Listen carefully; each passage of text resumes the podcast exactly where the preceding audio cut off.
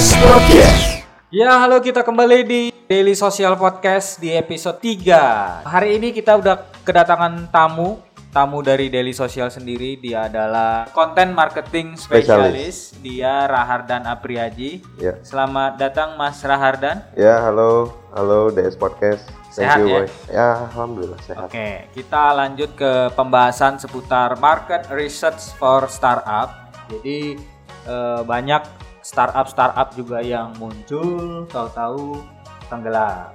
Ada yang stagnan, ada yang berkembang banget. Nah, jadi eh, salah satu hal ini sangat perlu sekali eh, dimiliki atau dipunyai oleh startup-startup yang mungkin baru berkembang ya.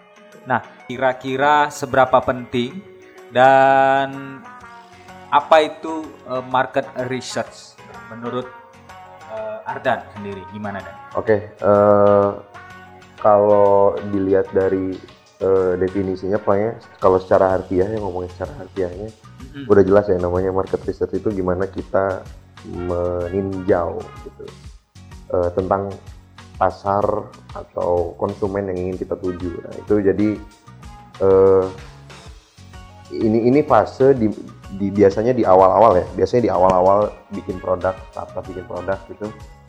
Ini fase di mana mereka lagi nyari nih, eh, gua mau mau ngasih, mau provide eh, produk gue itu ke siapa gitu. Karena ini penting karena eh, ketika lu mau masarin produk lu, eh, terus lu menargetkannya eh, ke semua orang. Jadi ini produk nih, ada produk A gitu, gue mau jualan produk A. Nah si produk A ini targetnya siapa? Semua orang. Gue targetnya Iya. semua orang. Itu tuh nggak mungkin.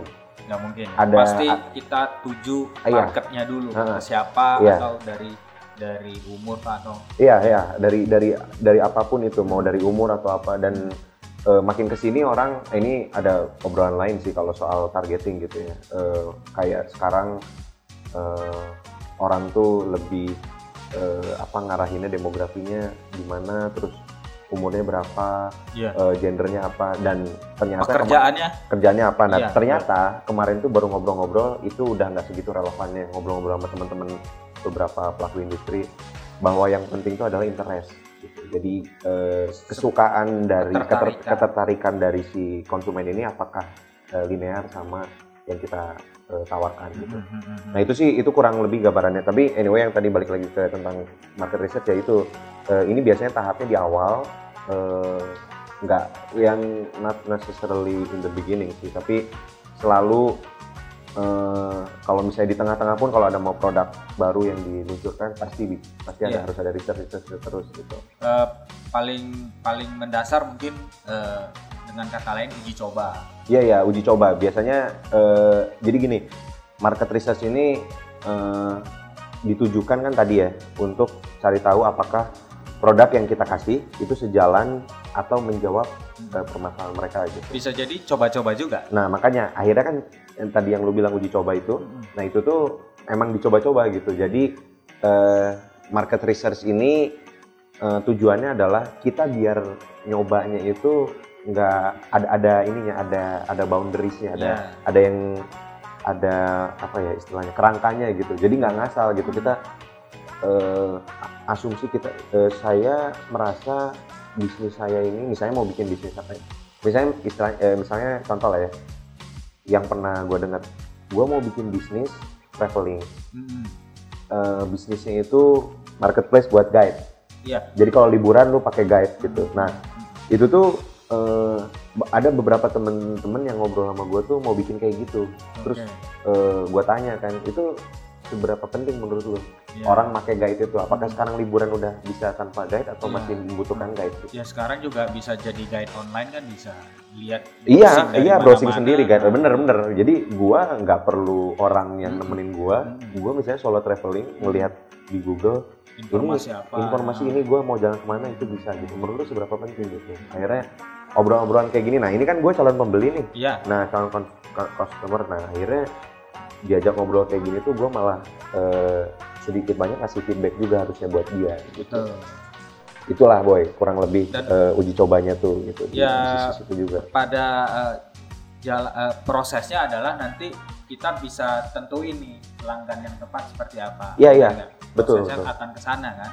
Dan bisa jadi eh, dapetin mungkin kalau kita jualan nih, contoh jualan berat barang misalnya, Hmm. barang A, mungkin kita bisa tahu nih atau bisa menentukan harga yang sesuai kan.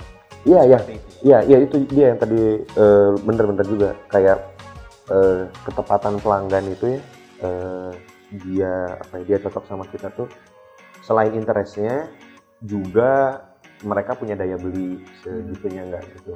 Kayak ambil contoh misalnya eh, misalnya startup Airbnb Iya. ya sekarang udah ke company gede gitu Airbnb di luar dia punya bisnis eh, orang-orang nih butuh tempat eh, apa tempat singgah buat kalau traveling Iya. gitu Stay tapi gitu. eh, stay tapi mereka nggak mampu beli hotel Hmm. nyewa hotel gitu akhirnya kasih apa ya oh eh, lihat aja nih ini rumah kan banyak Hmm. tuh lihat kos-kosan banyak Iya, atau rumah-rumah yang kayak gitu mereka mau nggak ya jual kamarnya betul. itu kan ada keuntungan buat dia terus udah gitu keuntungan juga buat yang travelernya. Betul. Eh, harganya lebih murah dibanding lu kayak ke hotel gitu Betul. macem.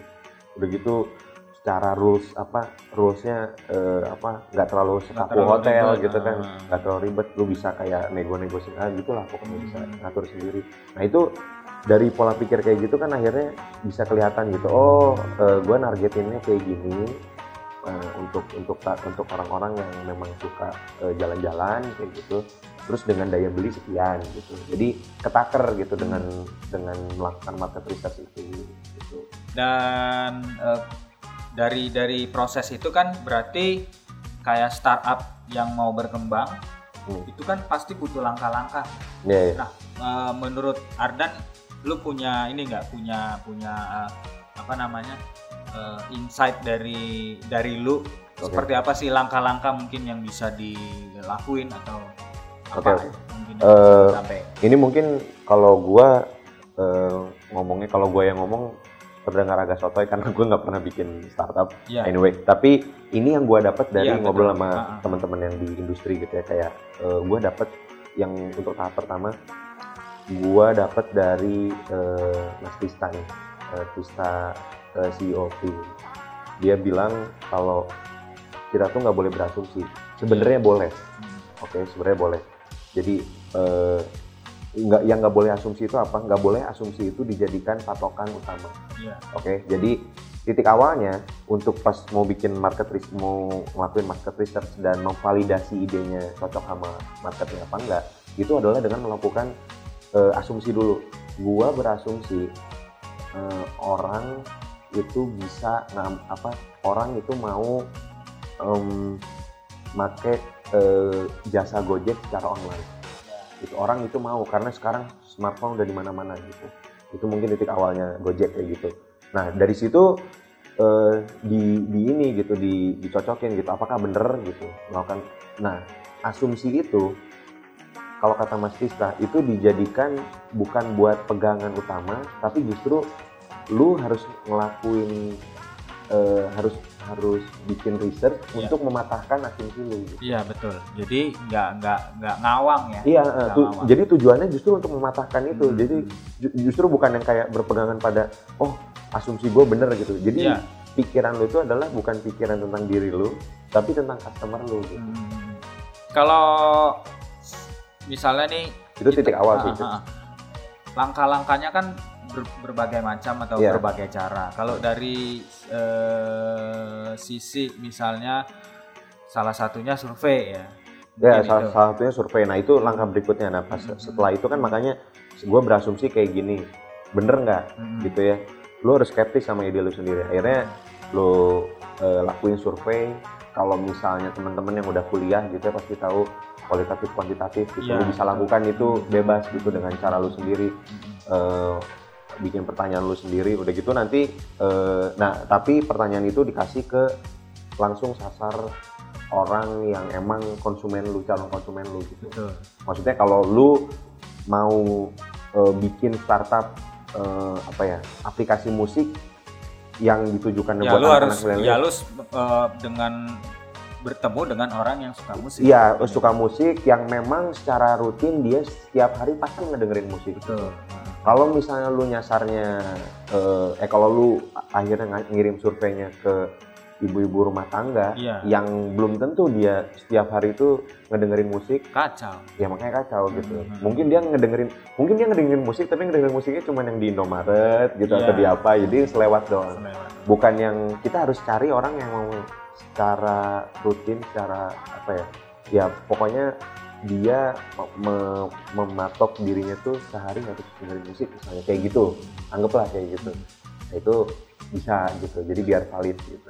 Kalau eh, kita bisa menentukan seberapa besar pasar yang bisa kita raih, kira-kira jadi langkah berikutnya oh iya eh, kita ya itu juga sih. Kayak eh, kita harus tahu gitu.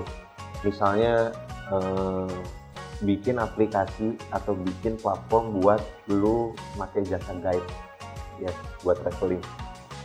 Ya lu harus cari tahu dulu seberapa banyak kayak itu di ini gitu. Iya. terus seberapa banyak orang yang butuh itu seberapa dan yang paling dasar dulu deh seberapa banyak sih traveler di Indonesia gitu. Betul. orang yang hobi itu kayak gitu-gitu itu seberapa banyak gitu. Nah itu tuh jadi beberapa apa ya beberapa hal juga yang buat pertanyaan di market research lu gitu. Betul, betul. lu mempertanyakan diri lu mempertanyakan produk lu gitu. Karena ya emang sih ada yang bilang eh, kayak kayak kata Gary Vaynerchuk gitu kan dia bilang idea is shit gitu. Execution is the real game gitu. Ya emang yang bener langsung ekse- Eksekusi. eh, eksekusi itu penting gitu. Cuman eh, yang di- dimaksud eh, kata-katanya itu adalah intinya lu tahu mau eksekusi itu lu mau ngapain gitu Iya. ya kan emang sih eh, jangan kebanyakan mikir tapi lu juga mau langkah tetap harus ada dasarnya dulu gitu Betul. nah market research ini itu bisa jadi titik awal buat lu ngembangin produk nanti bikin MVP Mungkin proses berikutnya eh, menuju ke langkah ketika itu sudah berjalan, mungkin di luar sana juga ada yang kepingin ngebikin eh, yang mirip Produk yang mirip-mirip, mirip-mirip gitu mirip-mirip. pada akhirnya banyak nih eh, bermunculan yang sama. Nah, Iya. pada akhirnya menjadi kompetitor kan. jadi kompetitor Nah, pasti eh, berarti kita juga harus cari tahu ke langkah berikutnya. Kalau udah ada kompetitor, berarti kita cari tahu kompetitor Oh, iya. kita seperti apa. Oh iya iya benar benar benar. Jadi eh, yang yang menarik dari ya dari yang bisnis bisnis kayak gini tuh gitu apalagi startup kan eh, sekarang semua udah serba, terhubung di internet gitu. Jadi Iya. kita lebih mudah eh, mencari tahu tentang mereka eh, untuk pertama permukaannya dulu kulitnya dulu. Mereka tuh sebenarnya trennya kayak gimana sih? Iya. Orang tuh jadi perbincangan nggak sih di sosial media kayak gitu-gitu. Saya ngeliat yang kayak gitu. Hmm, Udah gitu langsung ke lapangan mungkin betul. kayak anggaplah apa ya ada dua ojek hijau nih ya kan Iya, ada dua ojek hijau Ijo- ojek hijau A ojek hijau B gitu nah yang A tuh kayak eh, mungkin ada yang nanyain juga lu emang benefitnya apa ke driver ya? Iya. benefit lu apa emang dapet di ayam gitu Hmm, di di ojek B gitu. Keuntungannya apa nih? keuntungannya apa ya? Lu bisa nyari tahu gitu. seperti apa? ya bisa ya Nah, bisa jadi gitu. Pokoknya kayak lu cari tahu sedalam-dalamnya tentang kompetitor lu ya buat lu mainin gamenya Dan gitu. pada akhirnya kita jadi lebih berkembang ya. dan berinovasi untuk berbeda dari si dia. iya Nah, karena ada yang eh, bilang kalau peribahasa dulu tuh ada yang bilang kan apa eh, lu tuh harusnya lebih dekat eh, lebih dekat sama musuh lu ketimbang sama temen deket lu sendiri gitu. hmm, maksudnya lebih dekat sama musuh lu tuh karena biar lu tahu gitu Iya. kapan lu bakal keserang gitu lu tuh deketin gitu push nah itu mungkin gue lupa sih itu eh, peribahasa atau quote siapa pokoknya yang jelas eh, cukup relevan gitu di bisnis apalagi Betul. bisnis online kayak gini ketika lu semakin dekat sama kompetitor lu ya ya tapi jangan sebagai musuh lah eh, bersaing secara sehat bersaing sehat. secara Nah, itu penting tuh bersaing sehat. Nah, eh, berjalan terus berjalan kompetitor sudah semakin banyak, eh, produk sudah kita munculin, mungkin strategi-strategi yang lain sudah kita keluarkan, eh, senjata-senjata yang ampuh untuk eh, pelanggan sudah kita keluarkan. Nah, berarti eh, balik lagi ke pasar. Pasar kan berubah-ubah ada yang mungkin trennya untuk tahun ini berubah, Hmm. mungkin tahun depan berubah. Hmm. Nah, apakah kita akan bisa mengikuti tren yang udah lama atau kita bisa mengembangkan tren yang baru untuk uh, produk atau startup gitu. Oke, okay, uh, sebet kalau menurut gua sebenarnya kalau ngelihat dari ya ini ini juga yang terjadi di ini ya di ya kalau uh, apa di startup udah jelas banget ini. Hmm. Um, kayak mungkin kita ngomong udah top of mind aja lah langsung ngomongin Gojek misalnya. Iya. Yeah. Starting pointnya awalnya bikinnya itu, yeah. bikinnya apa aplikasi buat lu kalau mau order ojek hmm. bisa lebih cepat gitu. Hmm. Akhirnya kan seiring waktu sekarang lu sama aplikasi yang sama Betul. itu bisa diminta pijet, hmm. lu bisa minta beliin makan, hmm. bisa beliin apa. Itu kan karena lu ngelihat itu, ngelihat trennya hmm. dan tadi Uh, itu terbukti bahwa Gojek ngedengerin ngedengerin uh, customernya customer gitu. benar ngedengerin orang tuh maunya gimana dan emang itu yang terpenting dari market research mm-hmm. lu tuh emang harus kupingnya mau digede-gedein gitu betul, betul. buat semuanya masuk gitu buat mereka gitu. jadi uh, outputnya ketika semuanya masuk outputnya ya mereka nanti bisa ngelihat apa yang kira-kira visible dan memang cocok uh, dari skala pasarnya gitu mungkin kalau trennya di Indonesia ya lihat nih Indonesia seperti apa iya uh, uh, trennya di Indonesia hmm. seperti apa hmm. terus ya sesuaikan aja sama sesuaikan. tempat lu mau mendistribusikan produk lu gitu. betul betul nah uh, berarti ini dari dari dari dari semua yang udah kita bahas nih ya poin-poinnya nih udah udah mungkin uh, hampir mendekati jelas lah ya. Yeah. mungkin di luar sana uh, ada beberapa banyak informasi yang mungkin mungkin bisa didapat. Dan muncullah misalnya nih startup baru ya, startup baru. Paling enggak dari semua startup tuh membutuhkan satu uh, untuk melanjutin produknya dia dia butuh uh, promosi dia butuh uh, mungkin untuk produknya dia biar bisa berkembang dia butuh uh, dana riset atau apa. Balik lagi kan ke hmm. pendanaan. Hmm. Uh, pendanaan berarti mungkin ada yang dari pendanaan dari sendiri ya yeah. uh, dari uh, pemilik startup sendiri. Ada yang dari investor. Nah seiring sekarang perkembangan startup yang makin maju ya bisa nggak lu uh, kasih nih informasi investornya sebenarnya uh, cari startup yang di Indonesia yang kayak apa sih gitu? Uh, yang jelas mm-hmm. yang menguntungkan. Ya, itu udah, yang itu udah pasti ya. Cuman yang yang bisa ngasih duit itu itu udah paling yang mendasar banget ya. duit. yang bisa ngasih duit. Tapi eh, pada dasarnya ya eh, itu yang utama tapi kadang-kadang ada juga ada juga beberapa apa ya ada juga beberapa uh, pertimbangan ya mungkin ada beberapa pertimbangan yang dimiliki sama masing-masing investor gitu atau atau mungkin venture capital gitu kayak gitu gitu uh, misalnya kayak waktu itu kita pernah uh, ngundang di salah satu startup itu ngomongin masalah ini masalah uh, apa ya idealisme dari investor itu seperti apa gitu. Betul. Nah ada investor yang memang uh, pengennya itu profitable pasti, tapi gue pengen startup yang gue danain itu punya social ya, impact. Ya, berarti dia nyari ya tip, uh, uh, paling nggak si investor tuh punya tipe-tipe tersendiri. Iya punya punya iya punya karakter-karakternya ah, masing-masing ah, gitu ah, karena ah, ada yang ya kayak tadi yang gue bilang ada yang uh, social impact punya social impact kayak uh, contoh Amin ya. ya dia kan ngedanain uh, salah satunya kita bisa misalnya mm -hmm.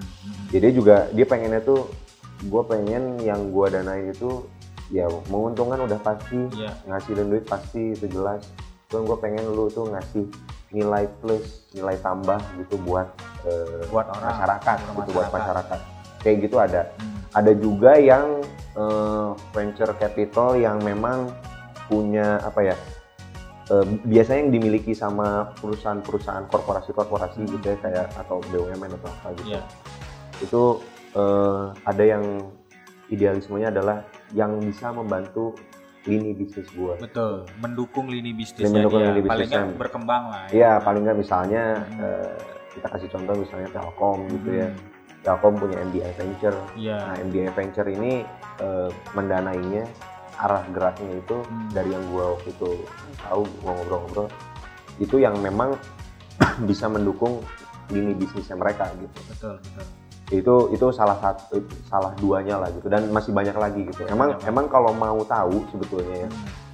pola pikir investor eh, dia memang harus banyak networkingnya sama Betul. mereka juga gitu memang harus eh, karena karena beda-beda gitu ini kan ini kan masalah semuanya emang masalah ujung-ujungnya harus untung Betul. cuman ini juga masalah tentang pola pikir mereka gitu apakah mereka satu visi sama kita gitu apa enggak Ya, eh, mereka mencari mungkin dari banyak venture eh, venture capital kan nggak mungkin semua sama mengambil startup yang A semua. Iya, Pasti heeh. mereka cari yang lain. Iya ya memang memang kayak gitu karena memang sesuai dengan visinya boy. Jadi kita jadi mereka tuh ngelihatnya kayak kita ini deh kayak kita mau eh, kayak jodoh-jodohan aja. Mm-mm. Kita kayak mau kayak mau pacaran gitu kan. Hmm.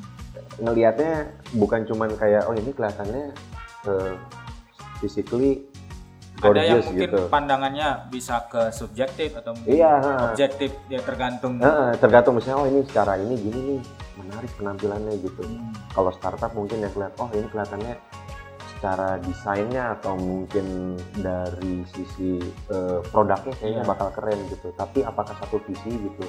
Karena nah, investor kan bakal ngelihatnya keberlanjutannya. Betul. Gimana si perusahaan ini bikin produk tuh scale gitu. Gak cuman kayak oh gue bikin terus selesai gitu. Iya.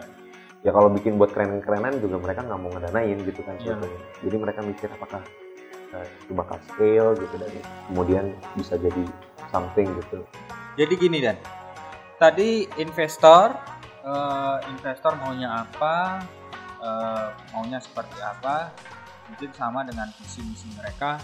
Kita udah tahu lah ya. Mm-mm.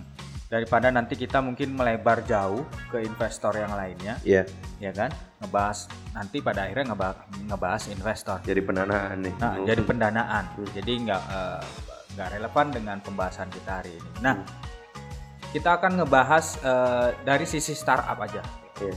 Masuk ke sisi startup. Nah, startup ini kan akan mulai berjalan.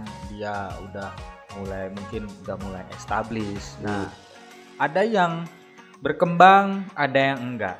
Mungkin banyak faktor ya. Iya. Ada faktor kegagalan, mereka gagal jatuh atau mereka stagnan. Ada faktor mungkin keberhasilan, mereka bisa maju, mereka bisa dapat banyak pendanaan. Nah, dari sisi eh, lu dan eh, yang lu tahu ya, mungkin ada ada faktor-faktor keberhasilan atau kegagalan nggak dari sebuah startup? faktor keberhasilan atau kegagalan gitu. Mm-mm. Eh, Mungkin dari dua itu. dari mungkin ah, faktor keberhasilannya apa? Mungkin abis itu kita nanti mungkin ngebahas faktor kegagalannya kenapa gitu. Oh, Oke, mungkin ini aja kali ya kita yang kayak eh, kalau berhasil itu eh, kayak gimana. Mm-mm. Nah nanti ya berarti kalau tidak melakukan itu jadi gagal. Gitu Iya, kan. Intinya ada yang kayak- bisa menentukan. ada yang kayak gitu misalnya ya kayak contoh yang tadi yang gue bilang eh, kita balik lagi ke awal eh, apa menyesuaikan ide awal lu gitu asumsi lu itu dengan apa yang terjadi di pasar gitu apa yang terjadi di masyarakat Eh, ini ini biasanya juga jadi titik awal kegagalan sih bisa dibilang ya ketidakberhasilannya startup karena eh, lu eh, lu lebih eh, lebih apa ya istilahnya? Lu tuh istilahnya so con- consume to your own idea gitu. Mm-mm, mm-mm. instead of listen what uh, your potential customer want. Itu sih sebetulnya eh, gimana apa ya gimana kita bisa ngelihat kalau yang berhasil itu kayak ta- tadi contoh ya yang kita ngobrolin si ojek hijau itu yang berkali-kali kita obrolin Mm-mm. eh, Gojek tuh mau gitu ngedengerin konsumennya. Eh, konsumen dan partner-partnernya kayak kayak misalnya apa eh, drivernya udah gitu mau ngedengerin juga eh, kons- apa konsumen-konsumennya itu itu pertanda itu memperlihatkan bahwa akhirnya growth-nya kayak gitu gitu terus ya teman-teman kita lainnya juga kayak Traveloka dan lain sebagainya itu mereka growth-nya bisa kayak gitu karena yang mereka lakukan adalah memperbesar kuping mereka gitu Ged- di- digedein kupingnya tuh mau ngedenger banyak eh, masukan dari eh, konsumen gitu. Nah kalau misalnya tadi eh, yang gagal gimana ya yang tidak melakukan itu Mm.